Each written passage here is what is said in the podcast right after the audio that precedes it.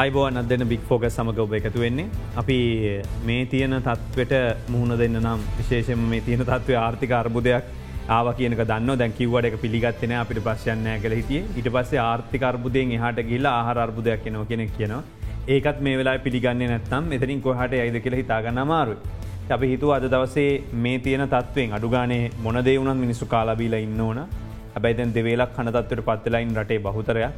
තුන්ේල පැත්තකින් තිල ඉස්සරහට මේකනුත් එහට ඉදන්න අපි ආරාධනා කළ අද සම්බන්ධ වෙන්නේ. හිද මේ කොළඹ ඉන්න එලධාරී සහ දේශපාලක්යන්ට විතරම් මේ කතා කල හරියන්න මේ ඇත්ත තත්තු දැනගන්න අපිට ගමට යන්න වෙනවා.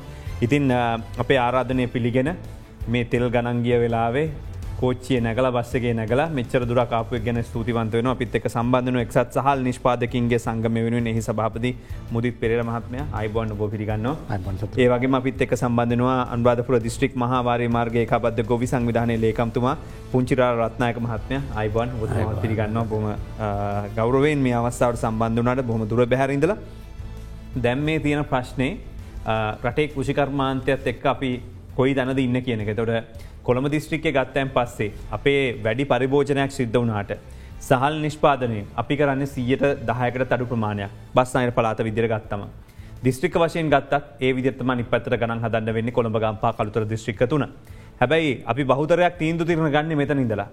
ඒවනට බත හදන්න රටට සහල්ටික හදන්නේ මෙහෙනෙමයි. අපි ගත්තොත් පොළොන්නරුව දිස්ත්‍රික්කේ පොළොන්නරුව සහ අපි ගමකෝ උතුරමැද පලාත ගත්තම. මේ සහල් නිෂ්පාදනය කොච්චරකට වගගෙනවද රටේ. සහ කොහොමද මේකේ මේ බෙදියාම බැදිල තියෙන්නේ.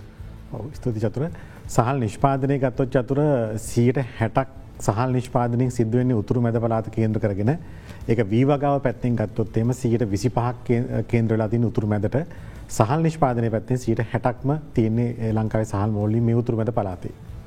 එතුර මහිතනේ හැමෝටම තේරෙනවා මෙච්චර කොච්චරගේ රට බත හැදිල තියෙනෙ කොහින්ද කියන එක. දැන් තොට ම ප්‍රධාන වශයෙන් කතා කරන්න දැන් අනි පැතිවලට ගත්තයන් පස්සේ මහවාරි මාර්ගටික එකන මහවලිය ඔක්කොම නිලධාරි බහුග දවසක වැඩසටාට වෙලකිව අපි වතුර ටික වෙලාවට දුන්නා වතුර ටික ඇරියාව කළමනාකරණය කළ දුන්නා. නමුත් වැඩේ වෙලා තියෙන්නේ අපේල් දාහතර පහලෝ කරන්න ඕන වැඩටික කරගන්න ගොබියන්ට බැරිවුණා කියනක. පුංචිරල මහත්ම එහෙමද තත්වේ එහමනත් ඉට වෙනස්ද? දැම් වතුර දුන්නොත් යලට වැඩ කරන්න පුළුවන්ද? නැත්තන් යල අත්තරන්න වෙනවාද. ඇත්තසම චතුර මෙහෙමයි දැ මේ වෙනකොට ඔය නිලධාරීන් හා මැතියමතවරු කියන කතන්දර එක ප්‍රායුක යන්න බෑනික යල්කන්න ද යල්කන්න ඉවරයි. ජලවර යල ඉවරයි දැන් දැන් එන්න මැදකන්න. තොට යලේ අපි වගාව ආරම්භ කරා අපි කෑමට හරි කියලා ගොයි මහතුරු එකතු වෙලා මොකද දැ මේ රසායනික පලිබෝධනාසක ප්‍රශ්න තිබ්බනි මේ ප්‍රශ්නත් එක්ක අපි වගාවට යනකොට දැම් සියට තිහක විතර තමා වගාවට අවතිරණ වෙලා ඉන්නේ. අන්රාධපුර දිත්‍රිකය ගත්තොත් මහාවාරි මාර්ගවල. මහවැලි කලාප. එතකොට මේකේ සියට තිහක් කියන්නේ සියට සියම වගාවට යනවා රසායනික පෝරහා පලිබෝධනාසක තිබුණනා. රජරට සියලුම වැව් අවුරුදු දායකට පස්සේ වාන් දැම්ම යල්කන්නේ. පොඩි වැව් තුළු ආරි මාර්ග පව වැව් තුන්දා සයිසියක් විතර තියෙන පොඩි වැව් මේ ඔක්කොම මහවාරි මාර්ග වැව්ටිකයි ඔක්කොම වාන්දම් හැබැයි අද වෙනකොට සියයට තිහක් හතලියත්තම වගාවට ඇගිහින් තියෙන්නේ. වෙන්දට වතුර නැතෝ වගාව නැති වෙන මේ පර වතුර තියල වගාව කරගන්න විදිහන්න විදියක් නෑ. ඒ තත්ත්වය උඩ අපි හිතන්නේ කවරු මොනව කිවත් ලොක ආහර බුදයක ඉදිරියට එන්ඩ වෙන මොක දැම් මේ වගාවත කුතුරම ඇත පලාතයෙන් තම මෙතුම කිවවාගේ හෙක්ටයාර් වැඩිම වීනිසිපාදනය කුතුරමද පලාත පොළන්නරු අන්ඩාද පුරදිත්තිකේ ඉළඟට ගත්තාම නැගටීර පලාත අම්පාරමට කල්පුව. හැබ මේ පෙටිවල මේ විදිට අත්වන්නක් එ නැතිවෙනකොට මේ ගොවිතැන වෙනකොට ඉදිරී භයානකයි. ඒකන්නේ ආහාර බුදයක් එනවා ඒ අපි දැකල මෙහෙම කතාකරු දැම් වෙනදට සාමාන්‍යෙන් ඔබතුමාල්ල ලැබෙන අස්වැන්න අරගෙන කන්නට කන්න ගෙදර කන්නට ඉතුරු කරගෙන ඉතුරු ටික දානවනලියට දැ මේ පාර අටුවේ නැතන් ඒ කාල අටුක දැන් තියන කාමරේ වී කාමරේ වී පෙට්ටිය වී තියනවද? මොකද වෙලා තියන් තත්ව ඇතරවා හොද ඇතරම මේ කන්න දෙකම අසාර්ථකයිද මාස්කන්න හා යල්කන්න. මාස්කන්න අපි අසාර්ථක වුණේ. මාස්කන්න අසාර්ථකවීමත් සමඟ අක්කරයකට රසායනක පොහොර නැතුව කාබනික පොහොර එක පාරටම රෑ එලිවෙනකොට කාබනිකට ගියාට පස්සේ කාබනික වැඩසටහනත් එක්ක අක්කරයකට වීබුසල් තිහක් තිස් පහක් හතලිහත් අතර තමයි හතලියත් තිහත් අතර තමයි ගන්න පුළුවන් වුණේ උපරම. එතකොට ඒක කරන්ද එහෙම කරගෙන යනකොට දැන් ගොයියට පරිභෝජනයට තියෙන් දවනන් අපි අරොබතුම කිවවාකාරට කොටුවේ අපි අටුවන දැන් ගබට කාමරයක්න තියෙන දැන් අටු නෑන. අටු නෑ. එතකොට කාමරේ සාමාන්‍යයෙන් වීමිටි විසි පහක් තිහක් අපි තියාගත්ත කාමරේ අද අක්වන්නම සම්පූර්ණ මත්වන්න තියෙන වීමිටි විසි පහයිතියයි. එතොට මේකින් අපිට දැන් වෙලාතින් නයබේර ගන්නත් ඕනෙ. ගො යනයට නි කරන්නේ පලිබෝධනාසකට අත්තරම් බඩු ටික උකස් කරලා එම කරලා. තොර ඒක බේරල්ලා ඒක වේරගන්න කීපයක් විකුණගත්හම කෑමට වීමිටි අර ඔබතුමා කිවට පිරි ලනෑ කාමරේ. අපිට අවුරු මාස අපි අවුරුද්දක් කන්න සාමාන්‍ය ඊළඟ කන්න ගොයා තියාගන්න ඊළඟ කන්නේ පැහැනකන් තියාගන්න. මාස්කන්නේ වීතියාගන්නවා ජල්කන්නේ කුඹුරුවත් වන්න නෙලනකා. හැබැ මේ සැරේ එහමනෑ දැම් මේ වෙනකොට ගොයියෝ කඩෙන් තම හල් කණ්ඩ දැන් ගොයියට කන්නත් නැති වෙලා. කන්නත් නැති වෙලාතිී. එක ප්‍රශ්නය බරපතලකම සාමාන්‍යයෙන් තේරෙනවනේ සාමාන්‍ය අපි කියන්නේ කොළඹට දැනුනට නගරට දැනුනට ගමට දැනෙන්නේ නෑ ඔය ප්‍රශ්න කියලා වෙන්දට හිත හදාගෙනන්න ප්‍රකාශ කරා දේශපාලක්ඥෝ. දැන් හැබැයි මේ තත්ත්වය තියෙන තත්ත්වේ අපිට පැහැදිලි කරල දුන්න පුංචිරාල මහත්මය. දැන් ඉතරින් එහට මට තියන තොරතුරටික මංහිතන ජනගත කරන්න අවස්ථාවත් දෙන්න. දැම් පොළොන්නරුවේ තත්වේ ගත්තෝතින් සාමාන්‍ය පොළොන්නරුව දිශ්‍රික්ක අරල ගංගල සිරිපුර වැලිකන්ද මනම්පිටි අම්බගස්ව මැදිරිගිරිය බකමුණ කියන මේ ගොවිජන සේවා බලප්‍රදේශ කාරයාලට මහවලි කලාපල වීවගා කිරීම නීමත මුළුපුරින් ප්‍රමාණය සාමාන්‍ය කියන්නේ හෙක්ටර් හතලි සයිදහ සටසිය දහනමයක් කියලා දැ මේ පොහොර ප්‍රශ්නත් එක් මේ වෙලා වගා කරලා තින සංඛ්‍යාලයකන ටික ගත්තෝතින් සිරිපුර හෙක්ටර් හාරදස් පන්සිය තිස්නමයක් වන මුළුබීම් ප්‍රමාණය වගා අවසන් කර බීම් ප්‍රමාණය හෙක්ටර් හයක් විතරයි කියල වාර්තා වෙනවා. හාර්දස් තුන්ස් පනස් තුනෙන් පන්සිය තිස්සමෙන් හයක්. එතකොට හෙක්ටයාර එදස් දෙසිය තුනක් තමයි දැම් මේකින් සම්පූර්ණය කල තින්නේ තොට සමස්තයක් ලෙස සීර විසි හයයි. ඒවගේම අපි ගත්තොත් හෙක්ටයාර් නමදස් පන්සි හතලි සතරක් වන වැලිකන්ද කොට්ටාශේ වැඩවසන් කල තින හෙක්ටයාර් ප්‍රමාණය තුන්සිය දාහතයි. හෙක්ටර් හාරදා සත්සිය හතලිස් පහක වගකටතු ආරම්භ කල තියනවා එහි කටයුතු ප්‍රතිශතයක් විදිරගත්තුත් සියට පනස් තුනකට යන්න පුලන් කියලකින තාමක අස්තිරයි. එතකොට මනම්පිටිය තත්ව ගත්තොත් මුළුවග ප්‍රමාණ හෙක්ටර් හාරදහස් සුන්සේ විසි දෙක එකින් දෙසිය දාසයක් වගකටයුතු නිම කල තියෙනවා මේ හෙක්ටර් ප්‍රමාණය දෙදා සාරසය හතලිස් එකයි. හරියට භාගයක් අඩුයි. එතකොට මට අනිටිකත් කියන්න පුළන් එතට පැදිලිය පේන පොළොන්නරුව තින තත්ව කොයි වගේද කියලා. තොර පොළොන්නරුව දිස්ත්‍රික්කේ තත්වේ දැම් මේ මම ගත්තේ සංඛ්‍යාලයකන වාර්තා කරන්නේ කුපනිසලා ගොවිනියාමක මහත්තුරු කියන කතාරගෙන ඔබතුමාලට පේන තත්වත් මේකමද. ඔව චතුර මහිතනය දත්ත බොහෝදුරට නිවරදි කියලා පිළිගන්න පුළුවන් දැන් පොළොනරුව මේ වෙද්දි ගත්තොත් චතුර පොළොනරු කියලා කියන්නේ කිසිම වෙලාවකදී යලකන්නේවත් මහකන්නේවත් අතරන දිස්ත්‍රික්කයන්න එක නෙවේ මොකද අවශ්‍ය තරන් අපිට අපේ තියෙන ප්‍රධාන වැවතුන හරහා ජලය තියනවා. හැබැ කනගාට කාරය තමයි සාමාන්‍යෙන් මැයි මාස අපි මේ ඉන්න මැයි මාසය අවසාන දින කීපේ. මැයි මාසේ අවසානය වෙද්දී යලකන්නේ වී වැපිරීම පොළොනරු දිස්ත්‍රික්කේ පහුගේ වසරල සෑම් වසරක මේ වෙද්දි අවසාන කරලා. හැබැයි මේ වෙද්දි පොළොනරුව තියෙනවා කුමරු යායවල් තම පලවෙනි හිංගතියා නියරවල් ටිකවත් රැහැලනෑ. කැනෙ ගොවීන් මේ යලකන්නයට සූදානන්න එකට ප්‍රධානම හේතු වනේ අප්‍රේල් මාසේ අන්තිම දීවර නිකුත් කරත් යලකන්නයට ගොවීන්ට සීසාන අවශ්‍ය ඉන්ද්‍රටික ලැබුණ නැහැ. ඒවගේම ගොවින්ට නිශ්චිත වචනයක් නෑ පොහොර දෙනවද නැද්ද කියලා. ගොවින් ආර්ථික වශයෙන් අන්තිම අඩියට මේ වෙද්දි වැටලා ඉන්නේ. ඔවුන්ට තවත් අවධානමක් ගන්න බෑ මේ තත්ත්ෙත් එක්ක මේ වෙද්දී පුළොන්ු දිස්ත්‍රිකේ යලකන්නේ මාසයක ප්‍රමාධයක් තියෙනවා ඒක තවදුරටත් ඉතුරු ඉතුරු හෙක්ටර් ප්‍රමාණයක් වැපිරීම සිද්ධවෙදි තවත් මාසයක්ව එතකොට මාස දෙක ප්‍රමාදයකින් සිද්ධවෙන යලකන්නේ එක අපේක්ෂිත ප්‍රතිඵල ගන්න පුළුවන් කියන බලාපොරොත්තු අපිට දැන් පහුවෙලා හරි වැඩ පටන්ගන්න පුළුවන් වැස්සෙන් බාධ තියනොද මොනහරි මේ ස්වභාධර්ම බාධවත් තියනොද මෙතැට පටන් ගත්තොත්? ඒක පුංචිරල් මහත්මතම කියන්න. එතන ස්වබාදහම ප්‍රශ්නයක් තියෙන ජතුර මොකද දැන් අපි දැන් මැදකන්න තමයි ඊළඟට දැන්න්නේ දැන් පලවෙෙන්දෙන් පස්සේනකොට මැදකන්න. මැදකන්න කරනවා කියන ඊළඟ මාස්කන්න වර්සාාව සැත්තැම්බර් පහළුව ඔත්තෝම්බර් වෙනකොට වහිනවා. දර අපි මාස තුන තුන හමාරි වී තමා දැන්තියන වීවර්ග මේ වීවර්ග ගැව්වට පස්සේ මාස්කන්න වැහිවලට හුවන ඉට පස්සේ අපි ගන්න අස්වැන් අපිට සාර්ථක ගන්න බැරන වැහිවලට අහුවෙන.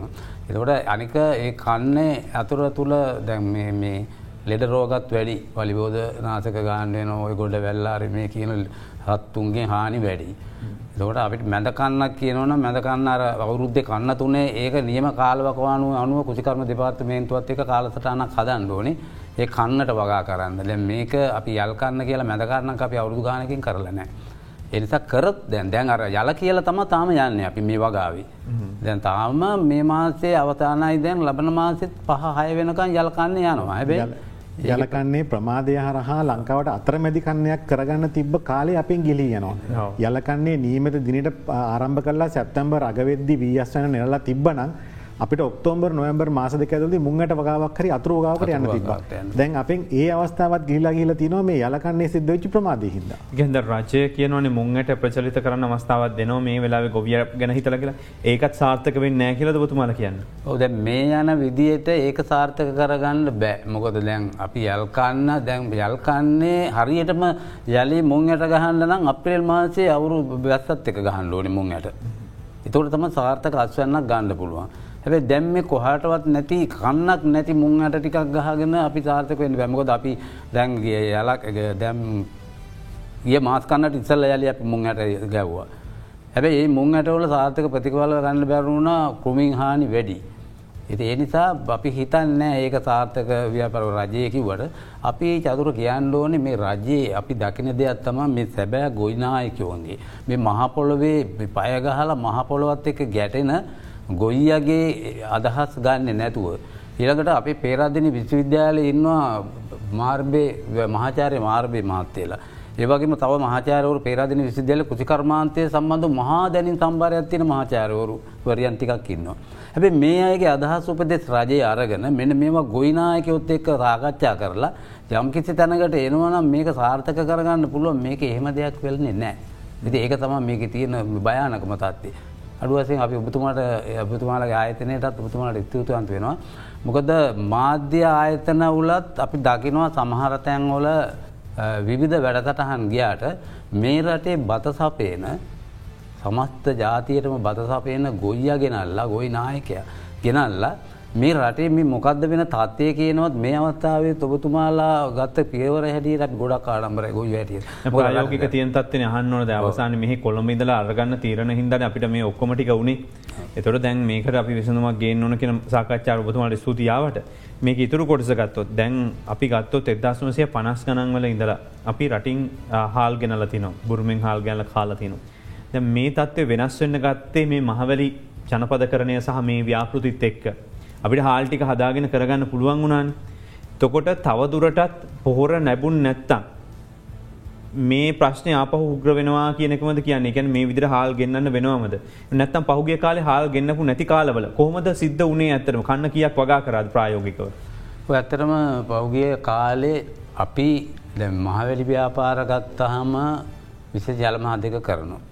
යල්මහා දෙක සාර්ථකව කරගනාව අවුරුදු පහලවක් විතර එක දිගටම රොබතුමා කිව්වාකාරයට මහවැලි ව්‍යාපාරය ආවට පස්සේ රටේ අතිරිත්‍යයක් තිබවී. එකනේ හෙක්ටයාර් එකකින් විකිලෝ පන්දාහක් ගන්න. අක්කරේකින් අපි වීකිලෝ දෙදහත් සාමාන්‍ය බලාපොරොත්තු වෙන සිය ගන්න. සිය එක එක සීයත් එකසිේ පණහත් අතරට ගියාපි කුසිකාරකම දෙපාර්තමේන්තුවේ නිර අලුතුන් තාක්ෂණයත් එක්ක හොඳ බීජවර්ගත් එක රසායනික හා පලිබෝධනාසක. ඔය රසායනික පෝරහා පලිබෝධනාසකවලින් වකුගඩු අමාරු ඇදෙනවා කියලා විවිධ කතන්දර කියලා රටපුරා ප්‍රචාරය ඇරයට චතුර. ඒම දෙයක් අපි දන්න දැන් අපේ වයසරත් අපේ තාත්තලත් දැම් මේ රසායනික ද්‍රව්‍ය පලිබෝධනාසක කියන එක අපි සීම සහිතව ඒව පාවිච්චි ගමකොය මම අනුරාධපුර. කොයි හරි අනුරාපුර නගරේ. නගර.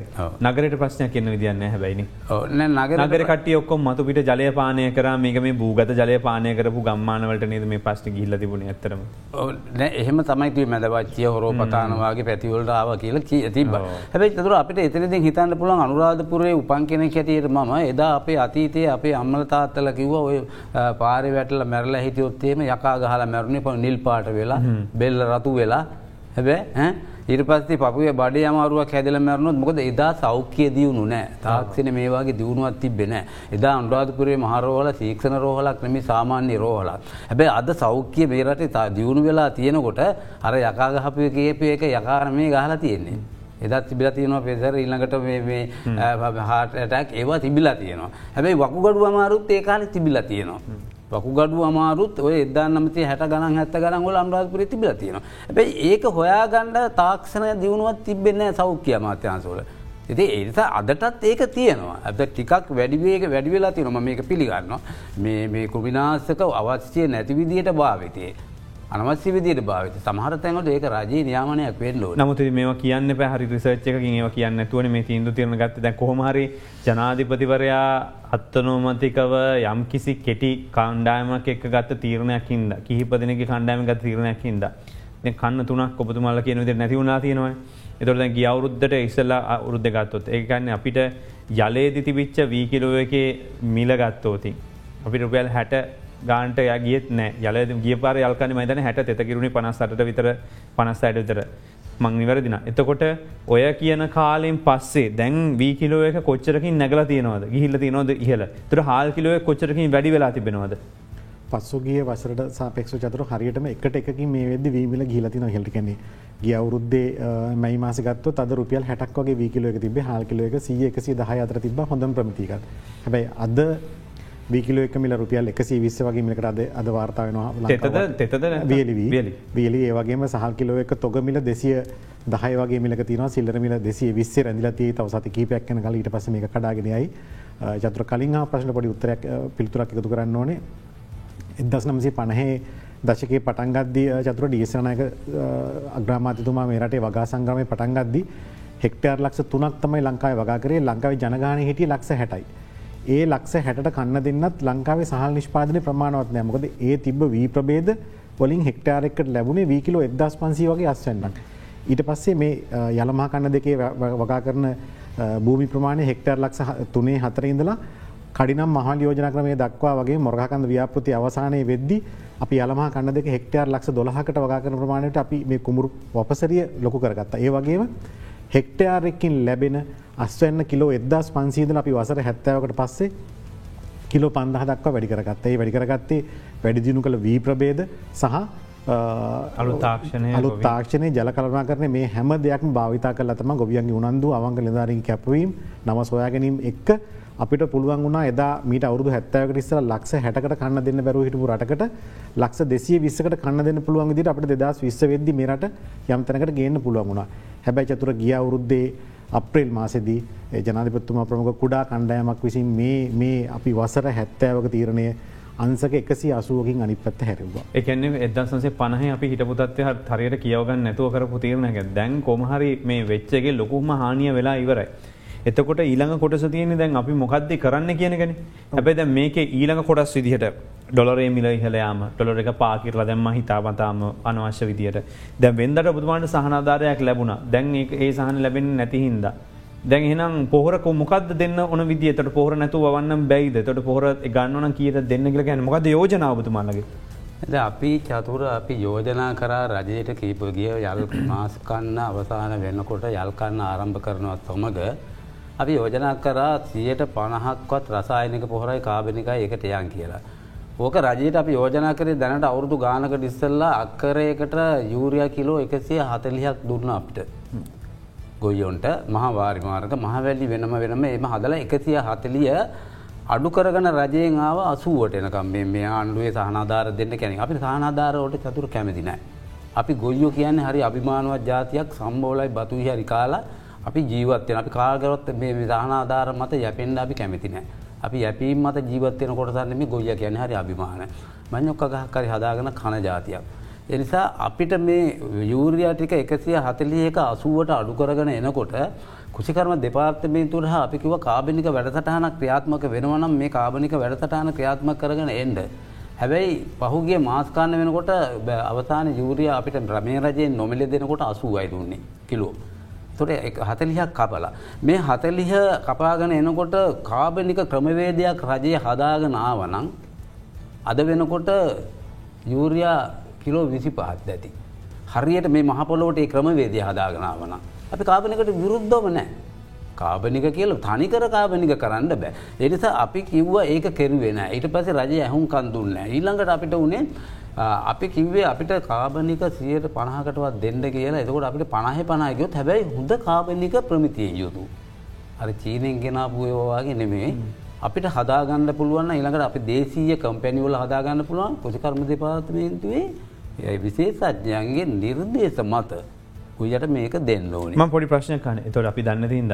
එතකොට අර චීනෙන් ගෙන පයවා ඔබතුම පාවිච්චි කරත කවුරට දන්න හිතවතු පාචන අපි පාවිච්චි කර. ඒ වැඩකර නැති දන්න ඇතරමනේ හැතරම ඒක අපිට චතුර හම්බුණේ නන්න අපිට එතට ඒ දවස පෙර දවස කෙන්නවා කාබනික කියලවරලා ගල් හම්බෙනවා මේ වෙනත් පැලි හම්බෙනවා රොමයෝ කියලා. ඒවා හම්පුනාද එතකොට ඒවා වැඩ කරන්න නැ දේවගේ මොනවද ඇතරම තියල්ල තියෙන ඇතරම දැන් කාබනික ගත්තාම කාබනික සියට විසිපහක්කිතර අනිවාරයෙන් වැල්ල පස තියෙනවා. ඒක නෑ කියන්න බෑ සියට විස්සක් විසිපා කාබනිකවල තියෙනවා. හැබැ මේ දැම්මන් දැක්ක ඒත් මේ පෙන්න්නනවා මාධ්‍යහර සමහර තැන්ගොලට ගෙනනිච්චව ප්‍රමිතිය නෑ කියලා. එතොට චතුර දැම් මේ අපිට අන්රාකර දිත්තෙකට පෝර සමාගන් හතරක් ඉදිරිපත් වුණ ආබනික. හැබැ අද හතරම අයින් වෙලා තියන කොහෙක ඉල්ලත් දන්න මොකද රජයෙන් පෝරටිකත් දැ කාබනික කියලා දීගෙන නවා ඇති අරමන් කියාගෙනාවේ අර ඔබතුමා කීපු ආකාරයට අවසානයේදී අපි මෙතන අසාර්ථක වෙන්ඩ රජයගත්ත ක්‍රියාදාමය. රජයේ රෑ එක රැයින් එල්ලි වෙනකොට කාබනික යන්න කියලා වැරදි අදහස් තුවමාරු කරගන මයිතන ජනාධිපත්තුමාට වැරදි අදහස් එල්ල තියන එතනති වැරදි උපදේශන එල්ල තියෙනවා. ජනාධිපත්තුමාට දෙන උපදේශන ටික හරියට දුන්නන. මොකද අපි කුසි විද්‍යාඥා චතුර වෛද්‍ය විද්‍යාව කරන්න යන්න ඕන්නෑ. වෛද්‍යවරය කෘතිකර්මාන්තය කරන්න යන්න ඕනේ නෑ මං උදාහරණයකට අනිවාර්ය, අනිවාර්ය. ඒම ගත් ඒක තමයි මේ අවුල ඒක තම මේ අවුලට හේතුව. ඉති ඒ නිසා අපි කියන්නේ මේක හරියට රටේ ජනාධිපතිවරයාට ඒ තීන්දු තීරණ හරියට දීලා තිබන මේ විදිිය ක්‍රියාත්ම හරියට තීන්දු තියන දෙන්න කියන ති මෙම ජනාධපත්තුමත් බෙක් නෙමේ එතුමා දැනගන්න පැ අනිවාරෙන් කෘෂි විද්‍යාඥ ඔක්කොම නොම කාගෙන්ද උපදෙස්කන්න කාගෙන්ද අහන්න කියනක අහන්නතු තමන්ට ඕන හිත මොදාම තීන්දු තිරන ගත්තන මේ පස්සේ දැන් ඇවිල්ල තියෙන හේතුවක් එතුමනි. දැන් සමාවෙන්න කොට වැඩ නෑන ප්‍රශ්න විල්ල මං ඊළඟ පස්සේ දෙන්නේ. දැන් දැන්වත් ගන්න පෑ හරිතීරණ දැන් කියන්නේ රජේ පාර්ශවෙන් හැමතනම අපිට කතා කල කියන්න ඔගොල කතා කරන්න මාධ්‍ය මොනවද කරන්න ඔගොලන්න පුළුවන් ඇටිකක් බෙදන්න වත්තේ වන්න මොනහරි කරන්නක. දැන් මේ කතා කරන්න ගෙවතු වගාව ගැන. එත ඔබතුමල්ල විල වානිජ කෘෂිකර්මාන්තය යෙදෙන ගොවි පවුලක් ගොවි පවුල්ලින් ඉන්න කට්ටිය. එතකොට දැ මේ දෙකට උත්තර දෙක් දෙපැත්තක තියන එතට මොකද ඇතරම කරන්න ඕන දෙක ඔබතුමල් යෝජනාවක් කරන මේ කෙටිකාලි අර්බුදයක් රටගෙන හිතල මොකද කරන්න ඕනද. ඇතරම චතුර දැම් මේ වෙලා වෙදින් අපි දැන් කතා කර කර හිටියත් දෙ රට ඉස්සරහට බොහොම භයානක තත්ත්වයකට එන්නේ. එකන ආහාර අදු අර්බුදය කියැන අපිට එක වේලක් කාලා අනිත්වේල්ලෝට මොනවහරි පිරිමහගන්න තත්වයකට එන නිසා අපි යෝජනාවක් කැටියටගේ නිමකොත් දැන් වෙච්චිදේ හපව් ඇදල ගන්න බෑ චතුර. එනිසා අපි කියන්නේ දැන් බේනවත්තාවේදී අපිට තියනවද සාමාන්‍ය බෝගවට මං යොක්කා අල බතල මේටික වගා කරගන්න වෙනවා. අපිට මොන ක්‍රමයකින් හරි අපි වගා කරලා අපි ආහාරබුතිට අපි විසඳුන් හොයා ගන්නඩෝන ඒන ගෙදර ප්‍රශ්න විසඳුන් හොයාගන්න කිය එතර ප්‍රශ්නයට අපි රටේ ප්‍රශ්න වනාට තමතම ම රට ජනතාවටම කියනවා. දැන් කොළඹවාගේ ගත්තාම අපිට වගේ වගා කරන්න ඉඩකට මදි. හැබැ මල් පෝච්චයක හරි අවශ්‍ය කරන ටියක් හිටෝගන තමන් ඉදිරියට තියෙන භයනක තත්වයෙන් බිඳෙන්ට මෙ කරන්න. අපිට අන්රාවර පොළොන්නරුවගත්තු අපිට පුළුවන් බතල ටික මං්යොක්ක ටිකක් හිටෝගන අපේ පරිභෝජනයට ගන්න. ඊට යහ අපිට ව්‍යාපාරමට්ටමට යන්නත් පුළුවන්. නමුත් ඒතනට යන්න නෙමේ මේ අවත්තාව තියෙන්නේ. මං අහන මේ කතා ඕ මෙහෙම. දැන් ඊයේ වන්දක් ඔබතුමා මයොක් අපි ගානක් පෙන්ලගන්න මේක කරමු කියලවෙරලා. එතකොට ගොවියට ඉස්සල පවුලත් රැකෙන්න්න එපැයි. පවුලම කඩාවැටලන ඔවුන්ගේ ආර්ථිකේ. එතට මයොක්ක වල බතල වල ඒගොල්ලන්ට ආර්ථික වගාවක් ඉදිර ගොඩ යන පුළුවන්ද ඔබතුමල ද එක්සත් සහල් නිෂ්පාදකවන එත එක්ත් මංයෝක නිස්පාදකවන්න බෑ නිස්තරට බතල නිස්පාදකවන්න බෑන් තර ඔගොල කොහොද මේක රැකන්න හිතන විදිිය. චතුර ඒ අපි ඉස්මතු කරන්න මතු හදපු කාරණය තමයි චතුර දැන් මේ එක පාරම කාබනික පෝර කතන්දරයකට ගිහිල්ලා මහකන්නේ නැති වුණා. මේ කාබනික පෝර කතන්දරයට යද්දී රජයේ පැත්තිෙන් වේවා ජනපත්තුව පැත්තිෙන් වේවා විශේෂයෙන්ම උගත් රාජනිධාර යාන්ත්‍රණයෙන් හෝ වේවා. මෙයාට තියෙන තිබ්බ බැකප් ප්ලෑන් එකක්. අපිට මේ කාබනික වගාව හින්දා විශේෂයෙන්ම ප්‍රධාන ආහාර වෙන සහල් නිෂ්පාදන රටේ කඩා වැටු නොත්. අපි මොකක් දෙවනින් ක්‍රියාත්ම කරන සැලසුම කිරවල්ලා. චතුර මට තේරන විදිර කිසිදු බැක ප්ලෑන් එකක් ගැන ප්ලෑන් බ එකක් රජයටවත් නිධාරීටවත් තිබෙන අදවෙනකල් එකයි මේ සහල් අර්බුදය ආහරබුදය උග්‍රවමින් තියන්නේ. මෙයාට තිබ එකම සැලසුම් තමයි ඇමතුරුන් තිබ එකම දේ තමයි හරි වී නිෂ්පාදනය කඩාවටනොත් කාපනික ගොවිතන හිද අපි රටින් හාගයන්ද ලෝක නිකිව වෙල දැමතිවරය කුචිකරමතිර එලිපිටම කිව කතන්දර. එහෙම එහෙම බලාපොරොතු තියාගත්තර කමන් නෑ චතුර මහ බැංක යටේදල උඩටම ඩොලර් ඉන්දියන් රුපියල් යවානයම පුරුවල තිබන අපි දන්නවා අද තියන්නේ නිකම්ම මහ බැංකුවේ සේපූල තියන්නේ ඉතුරච්චි පොඩි රත්තරම් ප්‍රමාණයකුයි නිකම්ම නිකන් හිස්සවකාශක විතරයි. එතකොට අද වෙනකල් බී ප්ලෑන එමට බැක ප්ලෑන් එක ක්‍රියාත්ම කරගන්න ආණ්ඩුවට සහ නිලධාරෙන්ට අසමත්ලාන්න අපි ඒකයි දැන්කිව්වේ යලකන්නේට තවදුරටත් මේ ප්‍රමාධයක්ත් එක්ක අපි දකින්නේ මේ යලකන්නේ මේ ක්‍රියාත්ම කිරීම නිෂ්පල දෙයක් තවදුරටත් මේ යලකන්නේ වෙනුවෙන් විදේශ විනිමේ වැය කරල අපි මේ කරන්න යනදේ පල රහිතයි. අපිට දැන් මේ නැතිවෙලාගේ අස්වන්න යළි ලබාගණන විශේෂෙන් ප්‍රධානය ලබාගන්න යළි අවස්ථාවත් තියෙන දෙදස් විසිතුන වසරේ මහකන්නේ. ඒ දෙදස් විස්තුනේ මහකන්නේ ආරම්භ කරන්න නම් මේ අවුරුද්ධ ඔක්තෝම්බර් පහලෝ වෙද්දි. ගොවියට අවශ්‍ය කරන ඉන්දන ප්‍රමාණය ඩීසල් ප්‍රමාණය ඒ වගේම රසායනික ප්‍රපාණ අවශ්‍ය ප්‍රමාණය පෝලිින් නැතුව කඩදාසි පුරුවන් නැතුව පෝලින් පුරුවන් නැතුව පෝලින් ගොලින් නැතුවට ගොවියට අභිමානයෙන් විතර යුතුව විශ්වාසින් යුතුව කුඹරට බහින්ට පුළුවන් විදියට ඒ අවශ්‍ය ප්‍රමාණ යදවම්ටික ආනයනය කරල දෙන්න. පොහොරටි ආනයනය කරන්න ලබන වරුද්ධර විතරක් යළමා කන්න දෙකට චතුර ඩොලර් ලියන තුන්සි පහක් අපිට ඕනේ. අපි දන්නවා ගෑස් නැවට ඩොලර් ලියන පහක් දහයක් ගෙවා ගන්නත් අද සල්ලිනෑ. එතකොට හැබැයි මොන්න තත්වෙන් උනත් අපි ඔක්තෝම්බර් ඊළඟ ඔක්තෝම්බර් පහලවෙදදි මේ ඩොලර් මිලින තුන්සි පනා හොයලා ඊළඟ වසට අවශ්‍ය ගොවීන්ට අවශ්‍ය ඉන්දන සහ පොහොර ප්‍රමාණය ආනයනය කරීම හෝ ඊට අවශ්‍ය නයවර ලිපි වෘත කර ගැනීම කරේ නැත්තං ඊළඟ මහකන්නේ විනාශනවා කළ කියන්නේ චතුර ලංකාවේ කෘෂිකර්මාන්තය මේ වසර හැත්තෑවක් පුරා ඩිය සේනයක ශ්‍රීමතරන්ගේ ඉඳලා මෛත්‍රපාල සේනයක අවසාන මහපරිමාණ ජලාස ඉදිපුරු ජනාධිපතිවරයා දක්වා මේ සියලු කන්නෑම් වගේම ගොටාවේ රාජපක්ෂ මහතරත් යම් කිසි මේ කෘෂිකර්මාන්තය ගෞරවක්වන මොකද එතුමගේ විස්ස සහ විසියක වසරල් දෙකේ තමයි චතුර ලංකාව වැඩිම වී නිෂ්පාදනයක් සිද්ධුනේ විමිටිටොන් මිලියන පහයකින් ඉලක්කම සපුරාගත්ත එකම ජනපතිරයා ගොටාබේ රාජපක්ෂ නතිපොත්තුමා. විසියකේද නොම ගිහිල වැරත්තීර මත ගියාට එතුමාගේ විස්ස සහ විසික වසර දෙකේ ලංකායි වාර්තාගත වීස් වන්නක් කාව. ඒක විසි දෙක වෘද්ධ නැතිවුණා. ලබන මහකන්නේ අසාර්ථකුණොත් චතුර මේ කෘෂි ආර්ථකය සම්පූර්යම කඩා වැටෙනවා. ඒකයි අපි අවධාරණය කරේ ඒ සාර්ථක ගැනීම වෙනුවෙන් විසිතුන මහකන්නේ සාර්ථක කර ගැනීම වෙනුවෙන් ඩොල මිලි තුන්සි පහක් අපිට ඕනේ එතෙක් අපි බත් කන්න ගියොත් අපිට කන්න වෙන්නේ චතුර ඉන්දියාවෙන් ආනායනය කරලා ණයට. අනිවාරය ඕ මේ මාසහයට අපි තවදුරටත් තුන් වෙලක්කෝ දෙවලක් බත් කරනන් ඉන්දියාවෙන් ආනයනය කරලා මේන සහල් හිංගේට පිළියමක් ලෙස ඒ වෙනුවෙන් අපිට වැෑවෙනවා තවත් ඩොර මිලියන තුන්සීය. තොර අපි ලබන මාර්තු දක්වා ඊළඟ මාස්කන්නේ අස්වන්න ලැබෙන තෙක් බත් කාගෙන නම් බලන් ඉන්න අපිට අවශ්‍යයන ඩොලර් මිලියන හයසී පනහත් බත් කන්න තුන්සීයයි. පොහොරටික සහ තෙල්ගෙන තව ඩොල් මිලි තුන්සි පනයි හයිසි පනයි මේක අපි හිතන්න චතුර සාර්ථක කරගන්න පුළුවන් කියලා කොමත්ම බැරි ඒකයි අපි යෝජනාවක් දිට කරේ. මේ වෙලාවේ අපිට කෙටිකාලීනෝ යන්න පුළුවන් අපේ භූමිය තියෙනවා ශ්‍රමය තියෙනවා අපිට ජලය තියෙනවා. මේ තියෙන සම්පට්ටික භාවිතා කරලා යම් චතුර නිලධාරනිසා රජ පටලගන්න තවකාරන ඇත්තමයි දැ මේ දවස අපි දක්නම එලෝල් වැට වෙදන්න උත්සා කරනවා. චතුර අපි බීඩ් ගත්තොත් ලික්ස් ගත්තොත් කැරට් ගත්තොත් ඒ අපි පාංක රොටියක් නෙමේ කන්න මේ එලෝල්වලින් සියට අනුවක් භාවිතාවන්නේ බත්පි ගනත් එක්ක. බත් නැති රටක චතුර එලෝල්වට බෙදල මොකත්තින ප්‍රෝජන ඔබ ඔබ ඔබතුමා බීට් කරනවද රොටිත් එක්ක ඔතුමා ලීක්ස් කනද රොටිත් එක කන්නේ මේ සියලු එලෝල්වලට ඉල්ලුමක් තියෙන්නේ මිලක් තියෙන්නේ රටේ කන්න බත් තිබ්බොත් විතරයි. තොර අපි දන්නවා යලාස්වන්නත් එක්ක නොයම්බරලින් පස්සේ දේශය සහල් දකින්න හම් වෙන්න ම මේ කියන්නේ දෙසැමර පලඳ උදේට ලංකාව ඇතුළේ හල් දකින්න ලැබෙන්න කියලා නෙවෙයි මේ සියලු තොක ප්‍රමාණය ගන්නේ කරයින් පස්සේ නොවම්බර් මාසිදල අමරන්න ලංකාව තුළ වී නැහැ. ඒක තමයි ඇත්ත කතාව. අපි ඒකයි පොළොන්නරුව මහපරිමාණ ව්‍යාපාරගෙන්ගේ සයිලෝලවත් නැතු ඇත්දව ඔවුන් සතුව මහපරිමාණ සාල් නිෂ්පාදකයෝ හතර පස්සන ගත්තොත් ඔවුන් සතුව විමිටිටොන් ලක්ෂ තුනත් හතරක් අතර ප්‍රමාණයක සංචිතයක් තිනවා. ඒක චතුර හැමදාමත් තිබ්බා. මොකද ඒ මහපරිමාණ කර්මාණ ශලා ගත්තොත් ප්‍රධානම තුනගත්තොත්තේම එක් කර්මාණ සලාක අවවශයෙන් සේවකව දහක් වැඩ කරනවා. ඒ කණ්ඩෑමට වීනෑ කියලා කර්මාණ ශලාව ෂඩ්ඩවන් කරන්න බෑ අර බලශක්තයමත්තුමා පිරිපහදු වහල් දැමගේ වහන්න බෑ. මහොතේ අන්ත සූත පද්ධතිය යලි ක්‍රියාත්මක තත්වයට ගන්න දැවන්ත විදේශ විනිමයක් වැය කරන්නවා. එකින්ද ඒ කර්මාන්ට ශාලා කොහොමත් ඊළඟ මාත් දක්වා චතුර ක්‍රියාත්මක වෙයි. ඒකට අපි වෙනස්කමක්කෝ විවේචනයක් කරන එක සාධාරණෑ එහෙම හරි පවත්වක නැම සම්බන්ධ වගේ කිරීමක් කරන්න ඕනේ.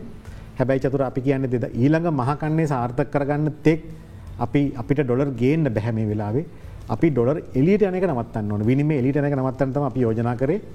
මේක අපිට මුංගට වගකරොත් චතුර හෙක්ටාරයක් වගකරොත් එහෙම කුමරු හෙක්ටාරයක් වගකරයෙන් පස්සේ වීස් වෙන්නන්නේ වී කිලෝ පන්දාහයි සහල් කිලෝ තුන්දාහක් එන්නේ බත් කෑම පිගම් පාලොස් දාහ එන්නේ කුමරු හෙක්ටාරයක් වගකරුන්නේ මුන්ට හෙක්ටරක් වකොත් මාස දෙකින් අපට ප්‍රතිඵලනවා ඒත් කෑම පිගම් දොස් දහක් අපට ගන්න පුළුවන්. එක වේලක් මුංගටවලට අපිට යවන්න පුළොන්න ජනතාව. යවන්න පුළුවන්. එතකොට චතුර වැදගත්ම දේ තමයි මාස හතරත් හයත් අතර අ, ප්‍රතිඵල ගන්න පුළුවන් මංයොක්ක ප්‍රබේද මංයොක්ක ප්‍රමේ දැන්තිනවා මංයොක්ක හෙක්ටාරයක් වගාකරොත් චතුර තෙල් පොහර මෙච්චර අවශ්‍ය වෙන්නෙත්න එක පාරයිසි සන්නත් අවශ්‍ය වෙන්නේ මහ පරිමාණයකොරොත් හෙක්ටාරයක් වකරොත් බංයොක්ක කිලො තිස් දහ කස්වන්නක් කෙනවා එකන්නේ මංයොක්ක පිඟන් ලක්ෂයක් චතුර එක හෙක්ටාරකින් ගන්න පුළුවන්. එකන මේක දැන් මේ වෙලා සහල් වගා කරගන්න ප්‍රයෝගක කරගන්න අමාරුවේ නමුත් අපිට මේ අර්බුදය කල්පනා කරණය කරගන්න පුළන් විදිහක් කියන සහල් වෙනුවෙන් වී වගා කරන්න යද්දි චතුර අපිට ඊට වශය යෙදුම්. ඉන්දන සහ පොහොරවල ප්‍රමාදයක් තියෙන වනං කාලය කළමනා කරනය කරගෙන නොහැකිනම් අපි ෂණිකව මේ භූමිය දැන් අදරත් හෙක්ටර් ලක්ෂ තුනට වඩා චතුර හිස්වෙලා තිනවා කිසිම වගාවක් නොකර. මේ ප්‍රමාණය රජය වහාම කියෙන් විශේෂයෙන්ම චතුර දැන් අපි දන්නවා මේ අපේ මන්ත්‍රීවරයෙක් ගාතනයට ලක් වෙලත් මේ පක්ෂෝල අපේ මේ පාර්ලිමේතුන්න දෙසි විසි පහට එක මතයකට එන්න බැරිවුණ. අපේ හින්ද ජනපත්තුමාගරුත් මේ දෙසි විසි පහන තිල්නවා කරුණා කරල මේ තවත් තවත් පසලොස්සක පොය තුනකට පස්සේ එන්න තියෙන මේ ආහාර අර්බුදය වෙනුවෙන්වත් කෘෂි ප්‍රතිපත්තියක් වෙනුවෙන් එක තැනකට එන්න. ඇවිල්ල වගා සංග්‍රමය පටන්ගන්න සර්ව පාක්ෂික ඒකට රතු නිල් කොල ලේබල් ගහගෙන එන්න එපා. දැන් හරි ආඩම්බරින් ගිල්ලා ඉන්දියාවෙන් තමිල්නාඩුවෙන් එකතු කල්ලාව පිරටාව නැවබානව කෝඩ්දාගෙන ගිහිල්ලා. රාජමුදාරි ටයිදාගෙන ගිහිල්ලා. චතුර මේ මේ දළදා වැඩම් වූ මේ ජයම බෝධී වඩම්මපු මේ මේ බතබුලතින් සස්ත්‍රී වෙලා තිබ රටේ අද කොළඹවරයට ගිහිල්ලි වෙල්ලා අදානික ජටිය පේනතෙක් මානක ඉඳගෙන අපේ කට්ටිය නයට පිනට එකතුකරපු හල් බානවා. කෝ ආත්ම ගෞරුයි කෝ මේ වසර දෙදස් පන්සි ඉතිහාස තින මිනිසුන්ගේ ආත්මාවිමානයකෝ ඒකින්ද මේ මේ තත්වය පොඩ්ඩක් ගැලවෙමු අපි එකන්න අපි එක යෝජන කරන්න කරුණා කලා ඉතුල්ලා තින භූමිය විකල්ප සහල් වෙනුවෙන් විකල්ප බෝගකට යන්න. හොඳයි. අපි තව කතාකරම කොහොමද මේ කරන්න පුළුවන් විදිහ කියලා. අපි විරාමකට ගහිලන්න මේ අද දෙන්න බික්කෝකස්.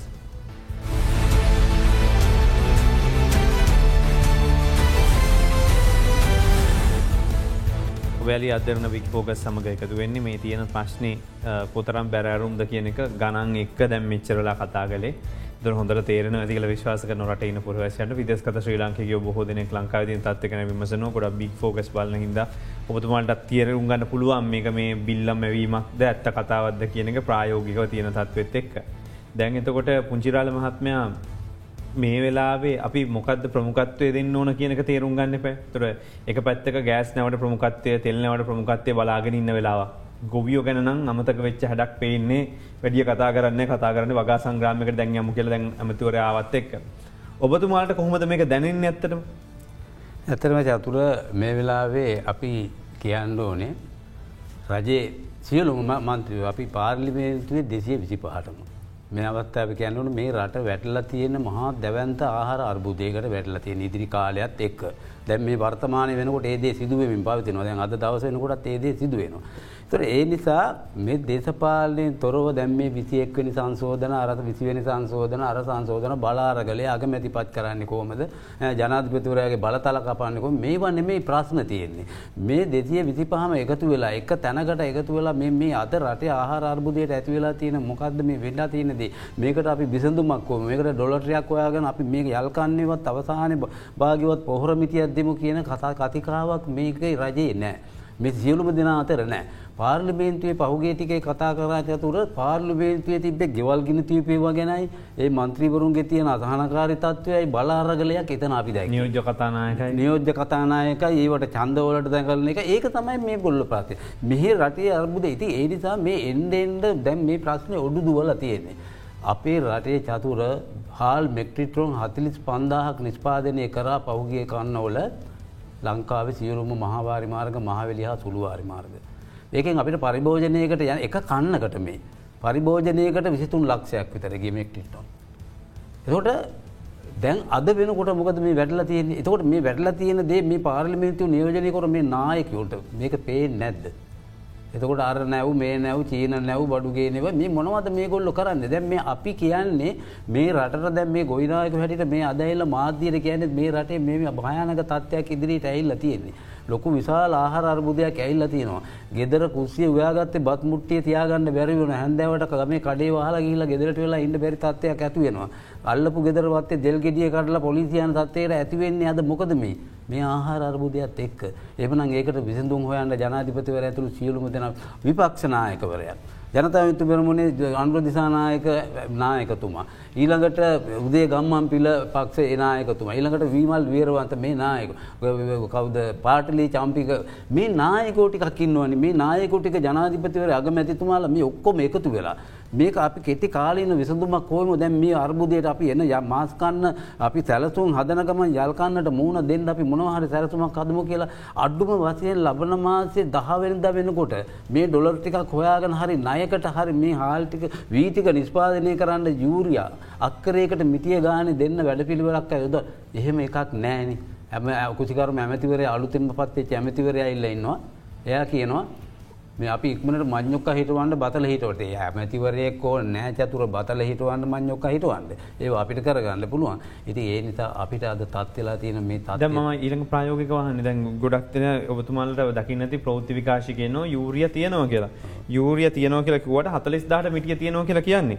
එතකොට මේ මිලගණන්වලට ප්‍රසිද්ධිය යුරිය විකුණනවද? මෙ රජයන්ද ගන්න පුලන් එන පෞද්ගලිකාංශ කොහොමද යුරිය තියන්නේ මේ ගන්න? ඔචතුර දැන් පහුගේ කාලේ අපි දකිනවා වෙරද පොලේ වියූරිය තියෙනවා රුපියල් හතිලිස්දාහයි තිස්නමදස් පන්සියයි. එතකොට මේ යූරයා ගේන්න කොහින්ද කියන එක ප්‍රශ්නයක්න. එතකොට මේක නැව්වලින් ගේවන කස්ටම එක රේගුව අහුවෙන් ඕනනි ඒකට ගුවන්්‍යානාවන ගේවන යාපෝට්ටිකෙන් හරි අවෙන් ෝ එමනත්තන් රජය නිර්දේශයක් දීල තින් ඕන මේ පෝරගේන්ද. අද ලංකාවේ මේ වෙනකොට චතුර පොහොර තියෙනවා හෙක්ටයාරයකට පොහරමිටි දෙකක් දෙන්න පුළුව පෝර ප්‍රමාණයක් ලංකාව ඇතුළ තියෙනවා. හැබැයි පෝර තියනවා ප්‍රශ්නයන්නේ පොහර තියනවා. පොහරතර ගාන හතලිස් දාගෙනකද ප්‍රශ්න ගාන හතලිදහ දැන් ඔය වෙල්ද පොලේ හතලිදහට දැන් විකුණනයකෙන අපිට ප්‍රශ්න තියෙන අපි කියන අපිට රුපියල් දහදාහකට දෙන්න. අපිට නොමේ ලේපා. දහදාකට දෙන්න කොහොමද? ටොන්න එක ගාන කිය දැන් අද බල චතුර අපි ඔය බලන්ඩ සමහර අපේ ගොයි මහත්තුරු ඉන්න අද තාක්ෂණය ජීවනත් එක YouTube එකේ රුපියල් විසියෙක් දහට තියෙන සියට හතලි සටේ නයිට්‍රජන් යුරයක පිටරටෝල එක්සත් යරාවිය මේල් ඊළඟට එකක් තියෙනවා සියට හතලිස් සය හතලිස් හතර රුපියල් හද්දාස් පන්සීයයි ඊළඟට රුපියල් හයදස් පන්සීයයි. දොට මෙතෙක් අපි අරගෙන තියෙන රුපියල් හයදස් පන්සිය මේ ඩස්පින් එක තම අපිට දීලා තියෙන්නේ. අපි ඒක හොඳට හොයලා බැලවා අපි විද්‍යාඥෝ නොවනට අපිට කාලෙන් කාලට එන යුරියතික අත්‍ය අතට ගත්තාම අපිට තේරෙනවාන. ඇති එනිසා දැනට අපිට දැන් ඔය ඔය ප්‍රමාණයට හරි ගෙනල් අපිට දෙනවනා දැන් මේ හතිලිස්දාහට වෙළඳ පොලට ගේනවා කියලා ගෙනල්ල දෙන්නේ ගො අහිංසක ගොයියට එතකොට දැන් දහදාහට දෙන්න පුළුවන් කියලා රජය කියන්න අපිට පොහොර ටිකක් කොහොමද. දොර ඇයි දෙන්න බැරි එක. දැන් හතිලිද්දාහට සමාගම් හරහා විවෘත වෙළඳ පොලට දාරන්න පුළුවන්න. ඒක ගේන්නෙත් රජයේ අනු දැනුම ඇතුවනි. රජය නොදනුවත් එනමින් හොරෙන් නෙමේ නො ව්‍යාපාරිකෝ ගේන්නේ. එහෙමනම් එතන ප්‍රශ්නයක් තියෙනවන මෙතන මාපියාවක් තියෙනවනි ඇයි මේවට මැදිහත්වෙන්න නැත්තේ. කුසිකර්ම ඇමතිවරු හෝ කවුරුහරි ආවට පස්සේ රටේ ජනාධිපතිවරයාගේ ඉඳලා පහලට එනකො නිලධාරියා ඉඳලා මේවා දැනුවත් වෙලා මේවා ගැන විමර්ශනයක් කරන්න ඕනේ. අද 40000ට අහිංසක ගොයියට විකුණන පොහොර ටික ගේන්නේ කීයදද කියලා හොයන්න ඕනනි. අර අපි කියනවා සොපිට් කියලා ඇටතෙල් වර්ගයක් තියෙනවා. ඕක චතුර පහුගිය කාලේ තිබ්බේ රුපියල් 2400ට. පියුත් වෙළඳ පොලේ. අද 17400යි. හැබැයි ලබ ගිය අවුරුද්ද මැයි මාසෙන් පස්සේ රසායනික පොහොර හා කාබ්‍ය මේ පරිබෝධනාශක ගෙනාවේ නැහැ කියලා රජය තහනම් කිව්වා. නෑ මං කියන්නේ ඔව් මම ප්‍රශ්නේ දැන් මට ආයෙත් තියෙන ප්‍රශ්නේ දැන් දැන් Google කරලා බැලුවොත් යූරියා වල ගාන සාමාන්‍යයෙන් යන්නේ ටොන්න එක අටසිය විතර කියල තමයි වෙට උඩින් තමයි දාලා තියෙන. නිකං අපි හිතුවත් අටසීයට කියලිවර වෙලා හැදුවෙන් පස්සේ මේ වෙලාවේ එක කිලෝ එකක් වැටනෝ රුපියල් හාරසියක් විතර යන කිලෝ පණහක් ගත්තෝතින් සාමාන්‍ය විසිදාහකට ලංවෙන් නැවිල්ලන්නේ එතොට මං අහන්නේ රුපියල් දාසෙ දක් දාදහක් විතර වෙනකොට ඒ ගානට ගෙනල්ල. ඔය සැපවුම් ගස් වරමය නැතුව. එතට දහදහට දෙන්න පුළන් දෙහන ඉති රජය දරන්න ඕන. තුරටික සහනදාර එතන කතන්දරේ ගත්තොත් චතුර අපි පහුගිය දශකය පුරාම රුපිය වසරකට මිලියන පනස්දහක් පෝර සනාධරය වෙන බෑකර චතුර. මොකද ඒක වියදමක් වශයෙන් සලකන්න හොඳ නෑ ගොවියට මේ පොහොරටික සහනාධාර මිලකට දීලා දැවන්ත වීනිෂ්පාදනයක් ගත්තොත් හාල්මිල අඩුවෙලා ඒ ප්‍රතිලාබ එන්නේ මිලියන විසිදයක්කු සමස්ත ජනතාවටම ඒ වගේ වැඩි ඕන් ඒත් එක්කේ නිෂ්පාදනය හර බිත්තරේ මිල බව පහල බහිනවා. ඒහින්ද ඒක ඒක චතුර අපි වියදමක් විදිට දක් දකින්න හොඳනෑ මේ ආණ්ඩුවේ මැති අමතුර විදින සැපකන්දරාවත්තෙක් ගත්තයි පස තුර කියන දැන් ආපව තුන්සිය පනට පොර පොම තම්බෙන්න තුට පන්දාය පොරත් වන්න බැන ආණ්ඩුවෙන් අඩුගන හෙන ඉංගල රුපියල් දහදක්වත් දන්න ගොලන්ගේ කොටස ගොවියට දහට දෙනවන නැතුර අපිට යුන්තිය පනාට පෝරෝන්නෑ. අපි රුපියල් දහදාහට හැබැයි වියවුල් වෙළඳ පොලේ අපිට අපි දැන් දැ චතුර සන්ලයිට් කැටේ හදන නිස්පාදකයා ඒ නිස්පාදනාගාරයෙන් එලියට එනකොට සන්ලයිට් කැටේ රුපියල් දෙසිය පහයි නම් දෙසිය පහයි කියලා නිෂ්පාදකය තම මිල නියම කරන්නේ. හැබැ අපේ රටේ පුදුමාකාර කරුමයක් වෙලා තියෙන්නේ වී නිෂ්පාදනය කරන්නේ ගොයිය. හැබැයි වී මිල කෞද නියම කරන්නේ. එතන මේගොල්ලෝ. මෙතුමත් එක ගැට වන්න මේ මට තියෙන්නේ. එතුමත් එක්ක නෙමේ එතුමා ඇතරම එතුවා අපි එතුමලගේ ගැන මේ ක්‍රම වේදී වැරද මම කියන්න එතුමල්ලගේ තියන වැරදන තුමල් අපිට ආයෝගේ දෙන ඇතරම සාලසකතුම කියන අපිත් එක්ක එකට ගමනක් තියෙන් හැබැයි මේ ක්‍රම වේදී වැරද්දන. ගොය තීරණ ගන්න ගොයිය තීරණය කරන්න ඕන මේක මේ විදියට බෙන්ඩ ඕන කියලා. ඒනට ගොයිය හදන්න වීන. ප්‍රඩක්් හදන්න මෙතුමලන. මෙතුමලා කල දෙන්න ඒ මෙතුමලත් තම තිරණය කරන්න වෙන්නේ. කරන්න මෙතුමලට ටැඩි මර්දගහ මුලින්තම ගොඩත් තිනක මොදතන විරාමකට කිල්ලන මේ අද දෙවන්න බික් පෝකස්.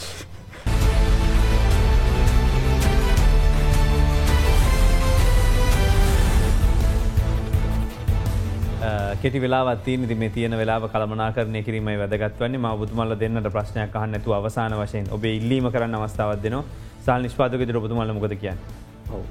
අපේ එකම ඉල්ලීම තමයි චතුර මෙතනදී අපි දන්නවා මහා සාර්ථකුණා. ඒ වගේම යල වැරදි තේරුම් අරගෙන යල කරන්න අද්දි යනෙත් ප්‍රමාධයක් ඇවිල්ලා මේ කන්නෙත් බලාපොරොත්තු වී ගස්සන්න එන්නේ නැහැ. එතකොට අපි මේ අඳුරු වෙච්චි පහුගේ මාස දොළහට කාලය ගැන කතා කරන තවදුරත් තේරුමක් නැහැ. අපි අරයක වැරදි මෙයාගේ වැරදි කියවටන්න මෙතනින් එහාට කාලේ සාර්ථක කරගෙන මේ ඔක්තෝබරලින් නොම්බරලින් පස්සේ එන ආහාර හිංගය මැඩ පවත්වන්නේ කොහොමද? ඒකට ජනතාවට සහනමිල්ට ආහාර සපයන්නේ කොහොමද කියන දේ වෙනුවෙන් ජනතිපත්තුමටත් ඒවගේ පාර්ලිමේන්තු වන දෙසි විසි පහත්යම් වැඩ නිශ්චිතු වැඩපිල්ලක් සර්වපාක්ෂික ක්‍රියාත්ම කරන කරන කියන්න කළ ඉල්ලනවා. ඒවගේ තවත් කාරණයක් කිස්මතු කරනවා චතුර වැදගත්ම කාරණය දෙදස් විචිතුන අවුරුද්ධය හරි මහකන්නේ වී නිෂ්පාදනයක් ලැබිලා ලංකාවේ සහල් නිෂ්පාදනය ආරම්භ එද්දිත් සහල් මිල පහලට යයි කියලා හිතන්න බැරි කාරණාවත්වන ප්‍රධානම කාරණය තමයි. තවත් මාස හයක් සුළහා මධ්‍ය පරිමාණ සහල් නිෂ්පාදකින්ට තමන්ගේ නිෂ්පාදන ඇන නවත්තලා ඉන්න සිද්ධ වුණොත් මේ සියලු සුළහා මධ්‍ය පරිමාණ සහල් නිෂ්පාදකින් සියට අනුවක් මේ කර්මාන්තෙන් සම්පූර්ණයෙන් ඉවත්වෙනවා එහෙ මුණොත් ලංකාව ඉතුරු වෙන්නේ මහා පරිමාණ සමාගම් හතරක් පහක් විතරයි. එතකොට එයාලා කියන මිලට වී විකුණන්න වෙයි. එයාලා කියන මිලට හාල් ගන්න වෙයි. අපි රජයට ඒ අවධානමත් යළිත්තරක් මතු කරන එහින්ද ආණ්ඩුව මේ පොහරබුද නිමා කල දෙදශතුනේ මහකන්නේ අස්වන්න සාර්ථක කරගෙන වැඩසරහ දියත් කරනවා වගේම සුළුහා මධ්‍ය පරිමාණ සහල් නිෂ්පාදකින් ආරක්ෂා කර ගැනීම වෙනුවනුත් නිශ්චිත වැඩසහනක් දියත් කරන්න ඕන කියනදේ ආණ්ඩුටත් නිලධාරීන්ටත් අවධාරණය කරනවා. ඔබතුමගේ පුංචිරාල මහත්නය අපතුමගේ. මම චතුර මේ අවස්ථාවදී රජයේ කිල්ලිමක් කරන්නේ ද අපිට වැරදුනා. ජනාධිපත්තුමත් සොරි කියන්න වුණානේ දැන් අපිට වැරදුනා දැන් ඔක්කොට මැරදිලානේ දැන් රටේ පාලකයෝ වරද්ද ගත්ත එක මුළු ජනතාවම ඒ අධ්‍යයක විඳින්ට වෙනවා. එනිසා දැන් ඉදිරි මාස්කන්නේ මත් නවතවතාවක් කිල්ලනවා මේ කන්න තිවර ඇමිටියක් කොහමට රජයේ බලාපොරත්තු වෙන්ට දෙන්න මේ ලංකාව තියන ටික හරියකුතු කරලා.